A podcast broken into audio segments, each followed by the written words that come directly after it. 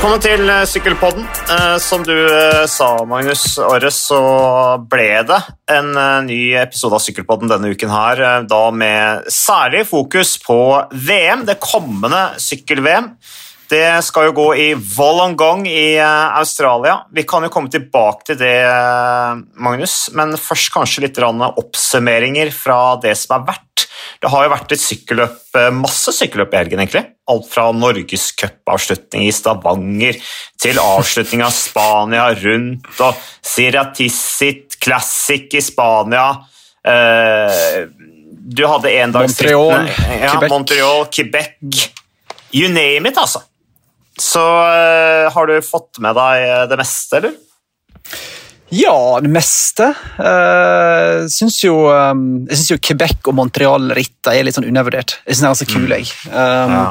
Og de viste jo um, eh, de norske at de er i form. Både Leknesund og Foss så sterke ut. Um, Pogacar så jo helt uh, umenneskelig sterk ut der. Så mm. jeg tror, jeg, jeg tror jeg, en, etter de rittene der, så tror jeg at jeg um, faktisk holder Pogacar som favoritt i VM. Ikke bare det? outsider. Ja, jeg tror det, med den spurten han hadde der, overlegent mot van Art, og så god å klatre, så tror jeg faktisk at jeg holder han som favoritt foran Mathieu van der Poel. Mm. Han er god på sånne langspurter på Gashar når han har en sånn hare foran seg. Som David Godu. Perfekt opplegg. Helt enorm eh, klasse på den ritten der. Altså. Helt sjukt. Mm. Mm. Nei, det er ikke verst det å slå uh, Walf van Ert eh, på den måten som han gjorde der. Altså, det, det hadde vi kanskje ikke trodd. Um, ellers så blir det jo en uh, i for herrenes uh, elitestart der. Pogacar, var van Ert, uh, og så har du selvfølgelig Evenepool, Michael Matthews, Binyam Girmay. Han var vel litt sånn blanda, skjønte jeg, i, helgen i Canada.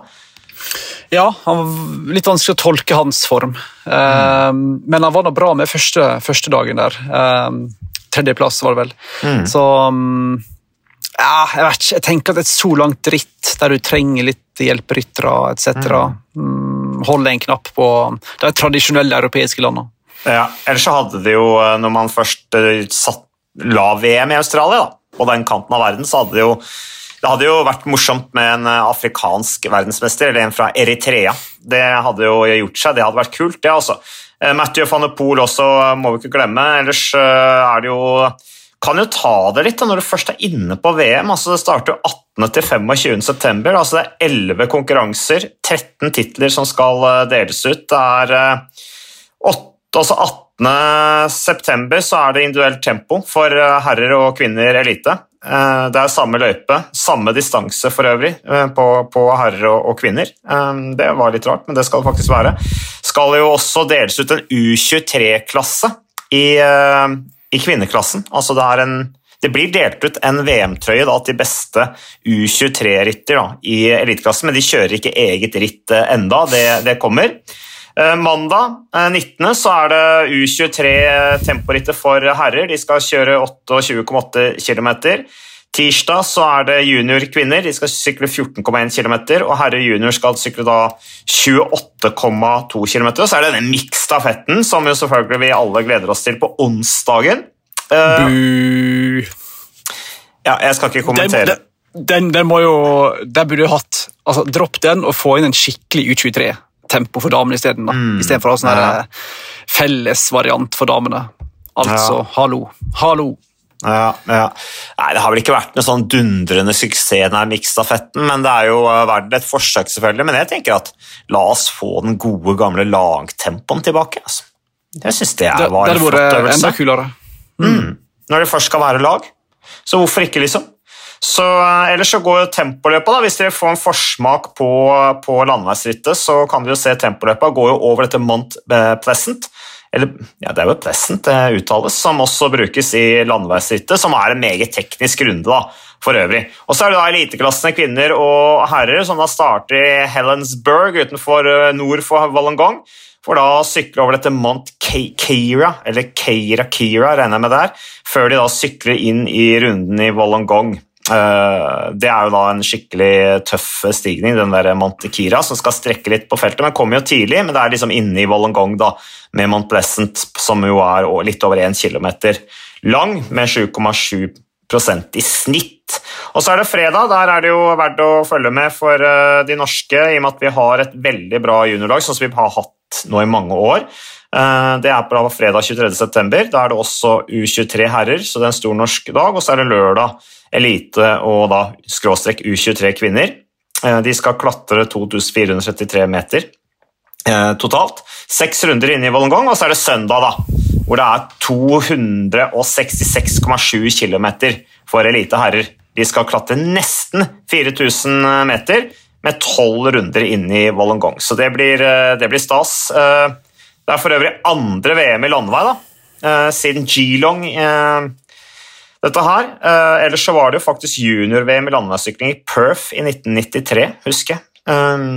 Så noe du har lyst til å si om det, Magnus? Ja, Nå vet jeg at du har sittet og, og forberedt deg som mm. alltid veldig grundig. Alltid ja. på, på, på, stell.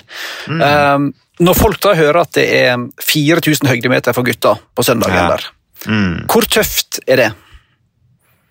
Nei, det er jo ikke så tøft, for det er jo strekt utover eh, Altså, det er jo tøft, selvfølgelig. Det er jo langt og seigt, men, eh, men det er jo det er jo, det er jo det, altså det er strekt over veldig mange mil, altså 260, altså nesten 270 km. Så det er jo mulig, og i og med at den der eh, lengste stigningen der kommer såpass tidlig, det er vel allerede etter 45 km og de er over toppen der, så vil man jo tro at de har mulighet til å hente seg litt, restituere seg litt, og at det ikke går styggfort i den stigningen.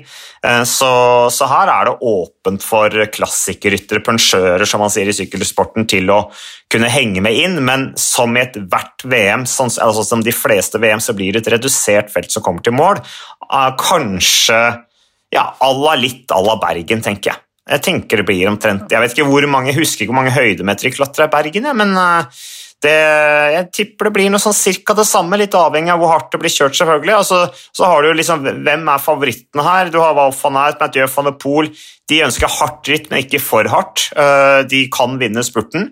Eh, I hvert fall Mathieu van de Poel. Og så har du jo eh, sånn som, som Pogasjar, som helt sikkert kommer til å kjøre styggfort. Australieren som helt sikkert kommer til å holde litt igjen pga. Michael Matthew. Så så det blir veldig spennende. Um, men jo saktere, jo bedre, med tanke på Alexander Kristoff. Ja, og så har du Frankrike med Ala Philippe som er erklært klar, og, og mm. Sivakov. Er vel sikkert hardt ritt. Uh, så ja, jeg er litt sånn spent. En så jo at en del spurtere ikke ble tatt ut. Ja. I første rekke Caleb Ewan, fordi jeg tipper jo det handler om noe annet enn idrett. da. Men, ja, du tror det?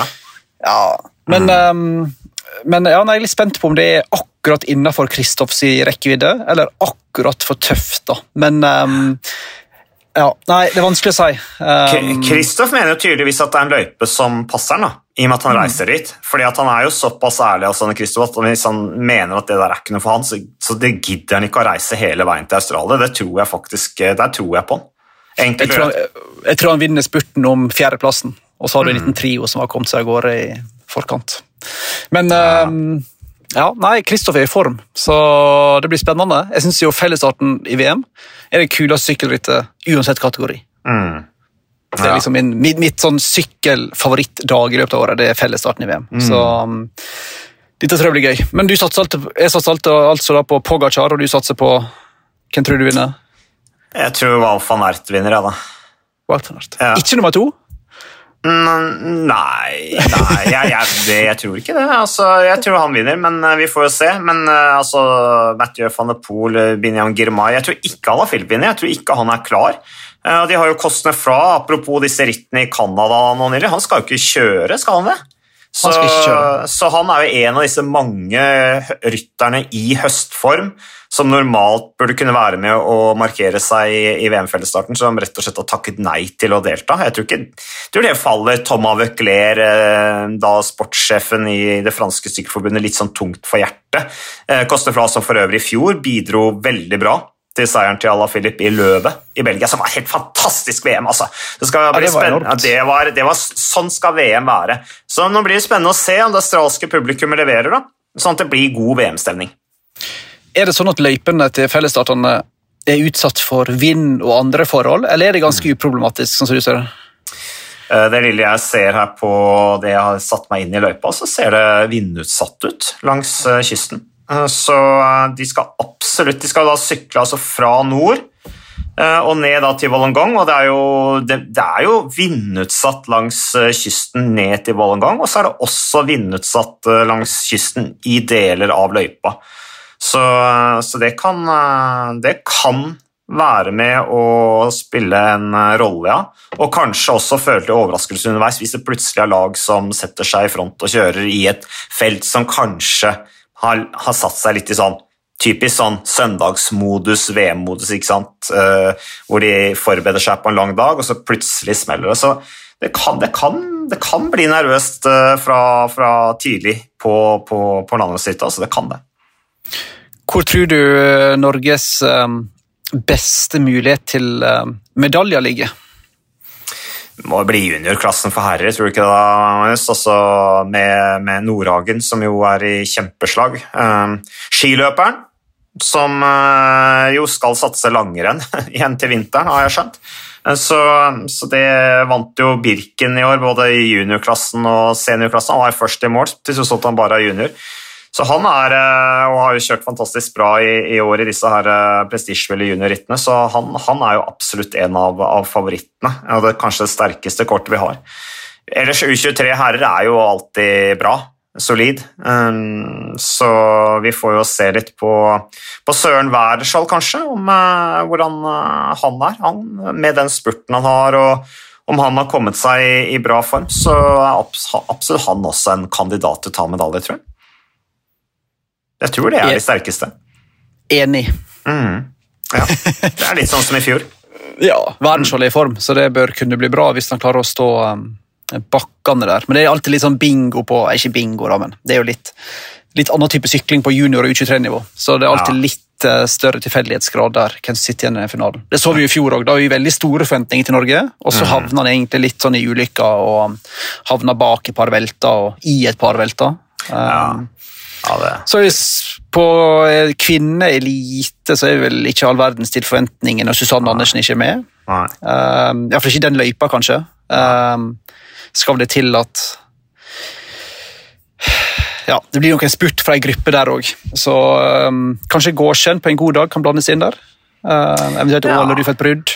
Jeg tror nok egentlig Gåskjenn kanskje er det sterkeste kortet vi har der. Ja. Um, det tror jeg. Så det blir spennende å se om uh, Anne Dorte Ysland liksom, om de får en superkompensasjon etter det harde rittprogrammet de har hatt i sommer. Og, uh, og som jeg sa i den forrige podkasten, altså, det at det er VM i Australia, er jo også en mulighet hvis forberedelsene dine er tipp topp. da. For det, det, vil sannsynligvis være noen som kommer dit og ikke er så godt forberedt, som ikke er så gode på akklimatisering, døgnforskjell, ah, den belastningen som, som fører med seg med lang reise. Så vi, vi håper og krysser fingrene for at, eh, at Norge gjør alt etter boka der, eh, og, og, og, er godt forberedt når de kommer til Australia. Det er det absolutt muligheter. Og Så blir det spennende å se på Andreas Leknesund og Tobias Foss i tempoen. Leknesund viste jo bra form igjen nå i Canada med den der vill eh, solosykling. Eh, men, men burde ikke han spart krefter til slutten? Jo, han, han er jo en sløsekopp med kreftene sine, Andreas Leknesund. er, han lager jo show, men, eh, men, eh, jeg tror han kan bli litt mer kynisk. Det kan han. Samtidig som når han har, har beina og har energien og er i formen, så er det klart at de angrepene der, de, eh, de tar jo konkurrentene på senga. da. Så, men, men, akkurat på, et på World Tour-nivå mot Valf van Ert og Pogasjar og sånn, så tror jeg han må være litt mer kynisk. Samtidig som han må jo være dristig og angripe før de angriper. Det tror jeg. Så, men han viste gryende form igjen der, da, Andreas Leknesund, etter å ha vunnet Arctic Race og vist storform i, i, i, Tour de France. så han, han, er på en flott utvikling. Tobias Foss er vel også i brukbar form. Jeg fikk ikke sett så mye på de rittene i Canada, men uh, så vi noe til han der? Han så veldig bra ut i i Montreal i hvert fall på søndagen. Jobba ganske lenge alene på fronten for å tette lukene fram til eh, ja, både Leknesund og så senere igjen også, til andre som gikk. Så der så han veldig bra ut. Mm. Selv om han har fått en litt sånn der eh, forstyrra sesong pga. litt sånn høydetreningsbom her og der. Han skulle mm. jo egentlig sykle Vueltaen, og så ble ikke det noe av. og så Nei. Går litt opp og ned. Men i ja. endagsrittet ser det ut som han har mer noe å kjøre med om dagen. Og på tempo. Enkelt mm. tempo. Sånn som vi så i, i Giro noe tidligere i år. Så mm. Kan bli bra det med han og Reknesund på tempo der. trenger en opptur nå, Tobias Foss, tror jeg, på slutten av sesongen. Jeg tror det hadde vært bra for han. Um, ellers så Svein Erik Bystrøm syklet jo ganske bra. Kom seg fint igjennom, liksom. Viser jo, viser jo at han kan være med i en finale, da. Eh, enten på, for, for, egen del kanskje kjempe om en topp ti-plassering, eh, men i beste fall være med og, og tette luke for Alexander Kristoff på slutten. Det hadde vært det beste. Jeg frykter jo at Kristoff kanskje blir um, ja, sånn som ofte før, både på jeg, klubb og landslag. Uh, litt alene, og så tett ikke en luke, og så ender opp med en fjerde-femteplass. Men mm. um, men med Skårseth og Tiller, Bystrøm, Foss og Leknesund mm. rundt seg, så bør det være nok hestekrefter der til at de kan, kan kunne sitte med en stund i finalen og være med på det du sier, og tette luke for Kristoff. Jeg syns det norske laget i eliteklassen ser solid ut, altså. Absolutt. Det syns jeg. Eh, og jeg mener, det vil ikke være noen sånn lojalitetsutfordringer her. Uh, I og med at uh, Alex skal sykle i Uno X neste år, så er det jo ingen tvil om at uh, Tiller og Skårseth vil være kjempemotivert for å hjelpe sin fremtidige lagkamerat. Bystrøm og Kristoff er gode venner, så de jobber bra sammen. Og Leknesund Tobias Foss tror jeg er profesjonelle og, og, gjør det de får beskjed om. Så, så det, blir, det, blir, interessant og, og, gøy å følge med på. Så vi der krysser vi fingrene. Ellers uh, Spania rundt. Bare en liten oppsummering der, Magnus. Um, vi har altså Nå er det over. Vi har tre Grand Tours. Vi er virkelig på slutten av sesongen, begynner å snakke VM. Um, og i årets tre Grand Tours så har vi tre vinnere som tidligere aldri har vunnet et treukersritt sammenlagt. I fjor så hadde alle sammenlagtvinnerne av de tre Grand Tours, Italia, Frankrike og Spania rundt, de hadde vunnet tidligere, altså Egan Bernal, Tadej Pogasjar, Primoz Roglic. I år så er det Jay Hindley, Jonas Wingegård og MK Eneport som vinner. De er ferske vinnere av en hver sin Grand Tour.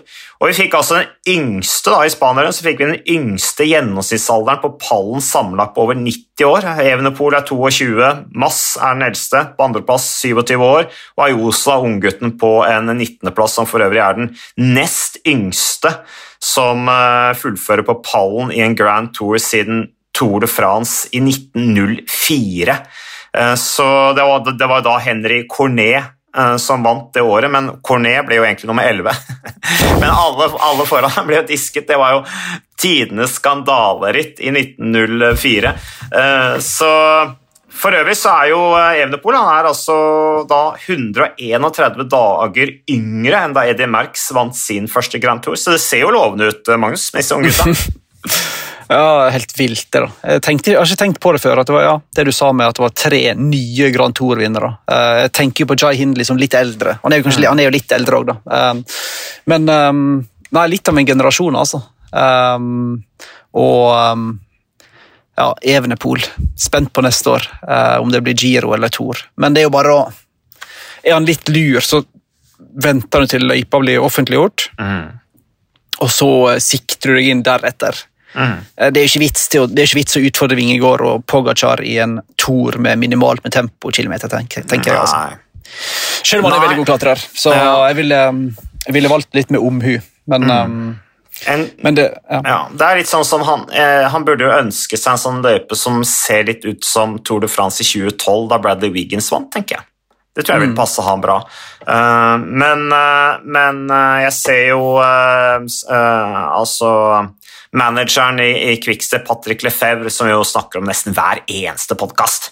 han mener jo mye, og det er verdt å, å, å, lytte til hva han sier, for det setter ofte en retning som påvirker hele sykkelfeltet. Uh, men han, uh, han, sier jo det at planen, og det sa vel du også forrige podkast, Magnus, planen til Evenepool er jo å kjøre giroen, og den planen holder vi oss til fordi at han er allerede foran skjema. Eh, sier da Lefebvre til media da, etter bragden til, til, til Quickstep og, og Evenepool i, i, Spania rundt. Så ja, det blir spennende. Vi vil jo selvfølgelig se han i Tour de France. Ja, men så var det jo på, det var siste helga i Vuelta Bjørg fikk den store snakkisen, da. Når Roglic Eh, og Jumbo Visma bare går til sånn frontalangrep på, um, på Fred Wright. Mm. Så du den komme? Nei, den så jeg ikke komme, fordi at uh, Primoz Roglic han sier jo aldri noe kontroversielt. Han sier bare hey man, that's, life, eh? ikke sant?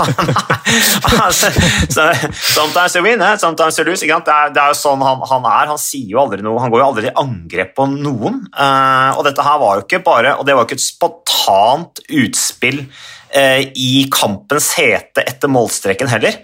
Det var jo nøye gjennomtenkt, gjennomført presse, en pressesak, en lang artikkel med uttalelser fra både høyre og venstre, og det var snakk om rider safety og alt mulig rart, og internasjonalt sykkelforbund. Så det var jo en, en etter min mening et, en, en bom av, av presseansvarlige Jumbo Visma, et lag som for øvrig alltid kommer godt ut av det. For det er jo ikke vi, vi, vet jo hvor upopulære Team Sky var med sin dominans. ikke sant? Og, og, det er jo ofte sånn at en sånn supermakt altså Når det er et lag som dominerer veldig, så blir de ofte upopulære. US Post, ikke sant? Team Sky, som er nevnt. Uh, og Jumbo Visma har liksom klart seg veldig bra. De, de, har, de er populære blant publikum. Sykler bra, er offensive. De, de, eh, de, Jeg sier ikke at de ikke mener ting, men akkurat det der det var ikke populært. Det ble ikke godt mottatt, det angrepet der på Fred Wright. Eh, og, og jeg, jeg, jeg, jeg, er litt usikker på om han egentlig hadde skylda for noe til Det er vanskelig å, å, å, å, skulle analysere hva som skjedde der, men eh, ja. For de som ikke fikk det med seg, så var det jo, Han skylder jo på Wright for at han skal ha kjørt i styret til Roglic da han mm. velta ut av, av Vueltaen tidlig forrige uke. Um, bare sånn at alle henger med her. Men jeg er jo helt enig da, Det var veldig sånn ukarakteristisk. Eh, og jeg tror både han, falt, han og Jumbo falt litt i anseelse blant sykkelpublikummet generelt. Eh, det virka veldig sånn koordinert og planlagt. og så um, Det som du sier, da. Fra de bildene vi ser på TV, nesten umulig å skjønne at det er i beste fall 50-50. Mm. Mm. Det, det, er små bevegelser, men det er jo Roglic som tar den store bevegelsen inn igjen uh, i retning Wright, og så ja, altså, Wright kan jo, han kan jo parere og si ja, men, men Roglic prøvde å presse meg inn i gjerdet. Mm. Altså, det, det, vi måtte jo, Jeg måtte jo komme borti han der fordi han pressa meg inn mot gjerdet. Eh, altså, Roglic hadde jo all slags plass til, til venstre for seg. Og det kan men, godt tenke seg Fred Wright brøyta seg gjennom der, men, eh, men, hvorfor skulle han plutselig gjøre det så, så innmari trangt inni gjerdet der? Primus Roglic, han skulle jo uansett Han måtte jo uansett forbi på venstre side hvis han skulle klart å vunnet den etappen der, som han for øvrig var sjanseløs til å vinne etter å ha gjort det angrepet og egentlig taua hele veien til det var igjen 200 meter. Så var det jo rene opptrekket hele, hele kjøringen hans. Men til Wright sitt forsvar, eh, til hans ære, så har han, jo, han har egentlig ikke fyrt tilbake. Han Han har bare sagt at dette var skuffende, mm. uh, og, og, det er det. Så det er jo bra. Og så tenker jeg jo, Det sier jo litt når Matej Mohoric nå er han riktignok lagkompis med Wright, men han er også en landsmann og, og ganske nær venn som jeg har forstått det, av mm. Roglic. Ja. Er, helt, er helt, sånn, helt ufiltrert sier at her bommer Roglic. Det er jo han som skaper velten, og ikke motsatt. Um, så jeg tipper kanskje Roglic angrer litt på og, og lagsjef Rikard Plugge, som uttaler seg også veldig krass. da. Angrer mm. litt på den um, uttalelsen der. Ja, og jeg syns ikke de skal blande inn det med rider safety, for det er liksom noe som er over det igjen, som henger med på arrangøren og Det internasjonale sykkelforbundet i måten de komponerer løypa Det var ingenting farlig med oppløpet. Eh, sånn at uh, ikke blande inn det i den saken her, det, det blir uh, usaklig. Syns jeg da prøver de på en måte å bruke det for hva det er verdt, da. Men først og fremst så er jo dette her de, Man får inntrykk av at de bare har lyst til å å utføre karakterdrap på, på, Fred Wright. Og, det, Fred Wright eh, han, eh, Jeg kjenner han ikke, men han har jo syklet fantastisk bra i år. Han er en skikkelig stayer. Kjemper hele tiden. Har Flott innsats i Spania rundt nå, men har liksom mangler den der seieren da, som jeg tror mange unner han etter å ha vært utallige kilometer i brudd og stått på i både Tour de France og, og nå i Spania rundt. Eh, Wright skal vel kjøre VM, så vidt jeg veit og blir kanskje kapteinen til Storbritannia der. Ja, sammen kanskje med Ethan Hater hvis han er frisk igjen. Um, så mm. han blir en farlig mann der, absolutt. Men skal uh, Ethan Hater kjøre, veit vi det? Han sto iallfall på nære provisional team. Uh, ja. Men ja, det kommer litt an på hva slags forfatning han er i da, etter at han måtte mm. bryte Så... Men ja. um, apropos VM-uttak, så du der um, VM-uttaket til Spania, eller? Har du sett noe så dårlig? Nei, jeg har ikke sett det. Jeg bare så det var en sånn B- Burgos BA-skytter jeg ikke engang husker navnet på, som måtte Ja. avlyse et eller annet bryllup eller noe. Jeg har ikke Han måtte flytte bryllupet sitt til helga. Og hør, hør på det her, her er laget. De to første er gode. Det er Ayoso og Soler. Og så er det, wait for it, Urco Berade, Roger Adria, Jesus Esquerra, det var han som har flyttet sitt eget bryllup, Eduardo Prades, Godson Martin og Oyer Lascano. Mm, ja, der var Altså det ikke mange én navn. rytter fra Movistar, ikke, ingen fra, en fra Euskaltel. Helt B-lag. Men han har jo vært ærlig på det. Han Momparler, han sjefen, at uh, han får ikke lov til å ta ut det beste fordi laga krever at de skal sykle for dem isteden. Mm. Ergo ingen Valverde og co. Men um, ingen Jesus Errada. Uh, Bekmørkt lag. Men uh, Soler, det, det hadde vært kul verdensmester, forresten. Mark Soler. Tenk Så det, du, så du opptrekket hans, eller? For Ackermann eh, i Madrid? altså, her Heftig, snakker vi en mann som kan spille på alle tangenter, altså. Er det noe han ikke kan? Nei, det er, det er han, han, han er en av årets ryttere, altså. Det er Soler. Legende. altså, det, han har imponert stort, altså. altså. Også alle disse milene han har vært i brudd. Men han er jo fullstendig Han går jo aldri tom for batteri, den mannen der. Enorm rytter. Ja, Han, han, eh, han i verdensmestertrøya har vært enormt. Ja, det hadde vært klasse. Det hadde vært klasse. Så vi satser på det. Vi satser på det, og Han skal man se opp for. altså Hvis han kommer løs, så skal han bli tøff å hente. Han er i meget meget bra slag. Ellers, eh, Vi begynner å nærme oss slutten av denne podkasten. Vi får ha litt respekt for lytterne våre som må sitte og lytte på dette her også. Uh, litt andre nyheter. Uno X har signert 29 år gamle Maria Giulia, Julia uh, Gonfalioneri som eh, er jo en meget eh, merittert eh, dame. Hun syklet i, sykler i, i Cerati sitt VNT, som er et, et av disse storlagene på kvinnesiden, og har en mengde topp 10-plasseringer. Hun har tredjeplass i Gent Wevelgem og vant jo også poengkonkurransen i Tour de France. Så der styrker de jo laget sitt, Uno X, så det er artig. Hun vant vel ikke den, gjorde hun det? da? Hun hadde kanskje poengkonkurransen i Tour de France, det var vel sånn det var. Hun ble tre, tre, tre poeng. Ja, tre var det. Ja, Ja. det var sånn Men hun var. Ja. var, veldig, hun var veldig bra der, det var absolutt. Så det er en mm. klasserytter. Så sammen med Didriksen og Susanne Andersen og ja, Julie Let er jo litt med i det toget der, så begynner det å bli et ganske sånn på papiret bra spurtopptrekk. Ja. Så det er bra. Spurttog. De har jo også jeg så jeg, De har jo Simon Dalby, denne unge 19-åringen, dansken, eh, som også har signert forlenget avtalen da, med laget. Han skal gå fra utviklingslag vel fra 2025. Han sykler jo Dare Development Team i år. Um, han, vi husker han velte fem km fra mål under VM i Løvet i fjor, da Per Strand Hagenes vant. Uh, har jo femteplass i Sundvolden Grand Prix og ble tre på en etappe i babygiroen i Odalby, så han er en mann for fremtiden. Ellers Amund Grøndal Jansen, det er jo gledelig, har jo forlenget avtalen med Team Bike Exchange da enda et år, så det er vi glad for. Da slipper vi å bekymre oss over det. Carl Fredrik Hagen, har vi noen nyheter om han?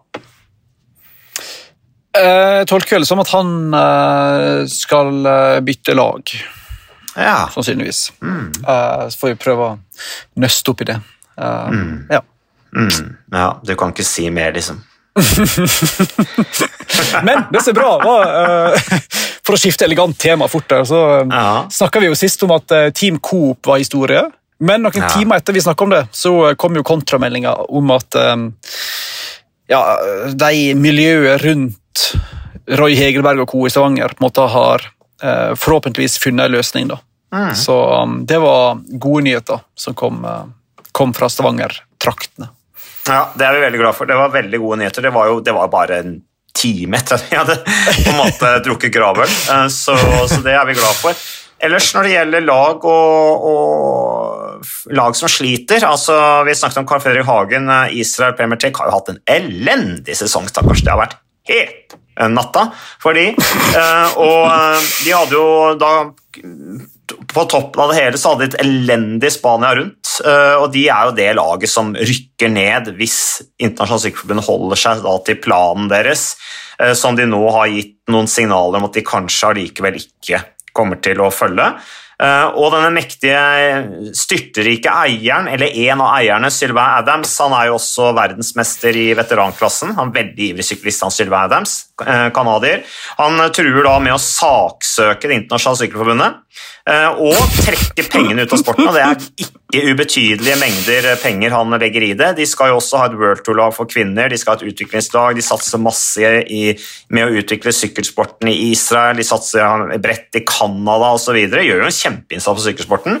Eh, og han truer også med, og det sier han, det kommer jeg til å tjene 100 millioner dollar på hvis jeg velger å gjøre det og da starte konkurrerende ritt til Tour de France hvis ikke laget hans får være med. Så han liksom drar på med storslegga her eh, på, mot Det internasjonale sykeforbundet og sier jo at eh, advokaten hans allerede sett på dette med covid og alle problemene rundt covid. Eh, de har jo hatt mye covid-tilfeller i Israel Premier Tech, det skal de ha, så man kan jo synes litt synd på dem, men det er grunn nok da, til å, å kreve å få beholde uh, World Tour-plassen fra 2023. Han vil jo da at de skal ha 20 World Tour-lag. da. Uh, så uh, ja, hva tenker vi om det? Jeg tenker at det var et spinnvilt intervju. Um, og så tenker Jeg også, jeg har litt sånn, Uavhengig av Adams og Israel Premier Tech, så har jeg jo begrensa sympati med styrtrike sykkeleiere som har kjøpt ryttere over en lav sko, eh, nærmest litt ukritisk. Vært fullstendig klar over reglene i tre år. Og når det går dårlig helt på tampen, da, nei, da skal vi saksøke forbundet for å ha disse mm. reglene. Så um, grattis med dagen. Uh, jeg skjønner en del av poengene hans. Eller nei, ikke så mange av dem, egentlig. Uh, jeg skjønner noen av dem, men ja. um, du kan liksom ikke Dette har folk vært klar over lenge nå. Uh, mm jeg kan skjønne at de er irritert på UCI, som ikke har kommunisert mer rundt om en burde tvike systemet litt eh, med tanke på covid. Men det har tross alt vært likt for alle. Han mm. mer enn noen andre har jo hatt muligheten til å bare kjøpe alt han har lyst på. til hver tid. Mm. Hente Dylan Tøynes midt i sesongen, Sammen hvor litt gjennomtenkt det var. Så, ja. Men han testa jo også positiv for covid, da. Ja da, men hvem har ikke testet positiv for covid? Nei, ikke sant? Det gjorde jo Ayuso òg, men han ble jo nummer tre ja. i Spania rundt. Og når, han da sier Jeg skal se om jeg finner sitat her. Jeg holdt på å le meg når jeg leser det her eh, hjemme. Uh, han sier jo da blant annet ja, um, Han snakker om at han vil gå til krig med ASO plutselig, uh, ja. hvis, hvis, det var uh, behov. Um, mm. så, så, ja, han sier at de vil jo ikke sportens beste, de vil jo bare sin egen, egen, sitt eget økonomiske resultat sitt beste. Det er en privat aktør, så det, det er jo kanskje naturlig. Og så sier Han da, han refererer til den veldig upopulære golfserien, den Liv-serien som har fått masse mm. kritikk for pengene kommer fra Midtøsten etc. Så sier han vi ser alle hva som skjer med Liv. ikke sant? Eh, jeg skal lage da en konkurrerende Tour de France. Jeg skal få alle World Tour-lagene inn i min Tour de France, og jeg skal få 100 millioner euro profit. Mm. Altså, hva, hva. Hva, hva prater han om? Eller altså Nei, han sier at han, han har på en måte egenskapene til å, å skape en skikkelig eh, økonomisk gullgruve av sykkelsporten som sporten selv i dag ikke klarer å skape. Han sier jo at sporten har jo ikke noe verdi, sier han. Eh, og da viser han til hvor billig han fikk World Tour-lisensen. Han kjøpte World Tour-lisensen fra Igor Makarov, denne russiske eh, oligarken som jo eide Katusha-laget og som for øvrig er Han er vel president i Det europeiske sykkelforbundet ennå, jeg vet ikke, men han har i hvert fall hørt høyt oppe i systemet lenge. Veldig sykkelinteressert Makarov, men uh, han sier jo at han kjøpte jo den lisensen da fra Katusha for én dollar, så det sier jo litt om verdien, mener han da, av en sånn lisens. Uh, så, og Han sier også at ingen i verden investerer mer penger i sykkel enn det jeg gjør. og Han, han er jo sånn dobbeltkommunikasjon nå, for det er ikke mange ukene siden han sa at ja, ok, vi står i fare for å rykke ned, men hvis vi rykker ned, så har vi såpass, vi har såpass langsiktig perspektiv på det at det er ikke noe fare for at vi kommer til å trappe ned satsingen eh, av den grunn. Ja, sant. Og, og, så sier han jo, Hovedargumentet er jo at World Tour-lisenser bør vare evig. Perpetual mm. licenses. at du bare, Sånn som i amerikansk idrett, da du får en franchise, og så har du den. Er det noen som har lyst på amerikanske tilstander inn i sykkelsporten? Bortsett fra kanskje Jonathan Voters, kanskje. Eh, som er Ja, Johan Brunil. Eh, ja. Det er jo en del da, eh, som har lekt litt med tanken. Eh, du har jo, hva heter han der, Tink, Oleg Tinkov var veldig for det. Han forlot jo sporten og, og brukte det som argument at sporten ikke vil sitt eget beste. Han ville jo revolusjonere, og han var jo inne på den samme tanken ikke sant? med denne egne ligaen. og uh, du, hadde, du hadde Ja, de hadde jo tegnet det opp, uh, faktisk, uh, men man kom jo aldri til men, enighet om å iverksette noe som helst. Men er det verdensbildet, eller idrettsverdensbildet til Brynell og uh, Oleg Tinkoff vi har lyst på? Jeg tror nok folk verdsetter at europeisk idrett er bygd opp litt annerledes enn amerikansk. da. Ja, ja. Ja, nei, er, eh, men forskjellen er jo at i, i, sykkel eh, så er det arrangørene som på en måte eier sporten mer. I, i, i amerikansk idrett så er det lagene som eier det, så det er forskjellen. Men som, som Sylve Adams sier, at ja, det er jo vi som lager showet. Men jeg tror at, ok, la oss si at det er ingen World Tour-lag som blir med i Tour de France neste år, så inviterer de jo bare alle Da er jo Uno X, da kommer det jo nye helter. Da. Det er jo sånn det blir. Så, så der har jo arrangørene all makt. Så det, det er nå bare sånn der. Nei da, men det var uh, dagens uh, politiske uh, debatt om internasjonal sykkelsport. Og så har vi eh, ja, fullført en ganske lang sykkelpod egentlig nå. 35 minutter har vi holdt på, Magnus. Jeg vet ikke hvordan eh, programmet ditt er videre nå. Du er jo, du er jo på jobb. Jeg er ikke du på jobb? Midt på en tirsdag? Jo, jeg er på jobb. Så for en gangs skyld så spiller vi Sykkelpodden når vi er på jobb. Det er jo ikke verst. Uh, er det noen andre nyheter som vi bør få med før vi avslutter denne Sykkelpodden? Nei, jeg tror vi er vel i mål, er vi ikke det, da? Tror jeg er tatt en god oppramsing av det meste. La meg bare tenke mm, Det er sikkert ja, noe vi har glemt. Jeg tror jeg har vært innom det viktigste, i alle fall. Mm, ja, ja. Nei, men det blir bra. Da er det bare å skru på TV-en, da. Fra fra sykkel-VM i Wollongong. Eh, når var det jeg sa det starta? Altså det starter 18. til 25. Eh, går da til 25. september. Vi sender alt. Eh, så er du sånn nattemenneske, så er det bare å kose deg. Noen liker best å være våken om natta og sover om dagen. Andre foretrekker omvendt. Men er du en type nattmenneske, så er dette en periode for deg. Takk for oss. Vi er tilbake med mer Sykkelpod en annen gang.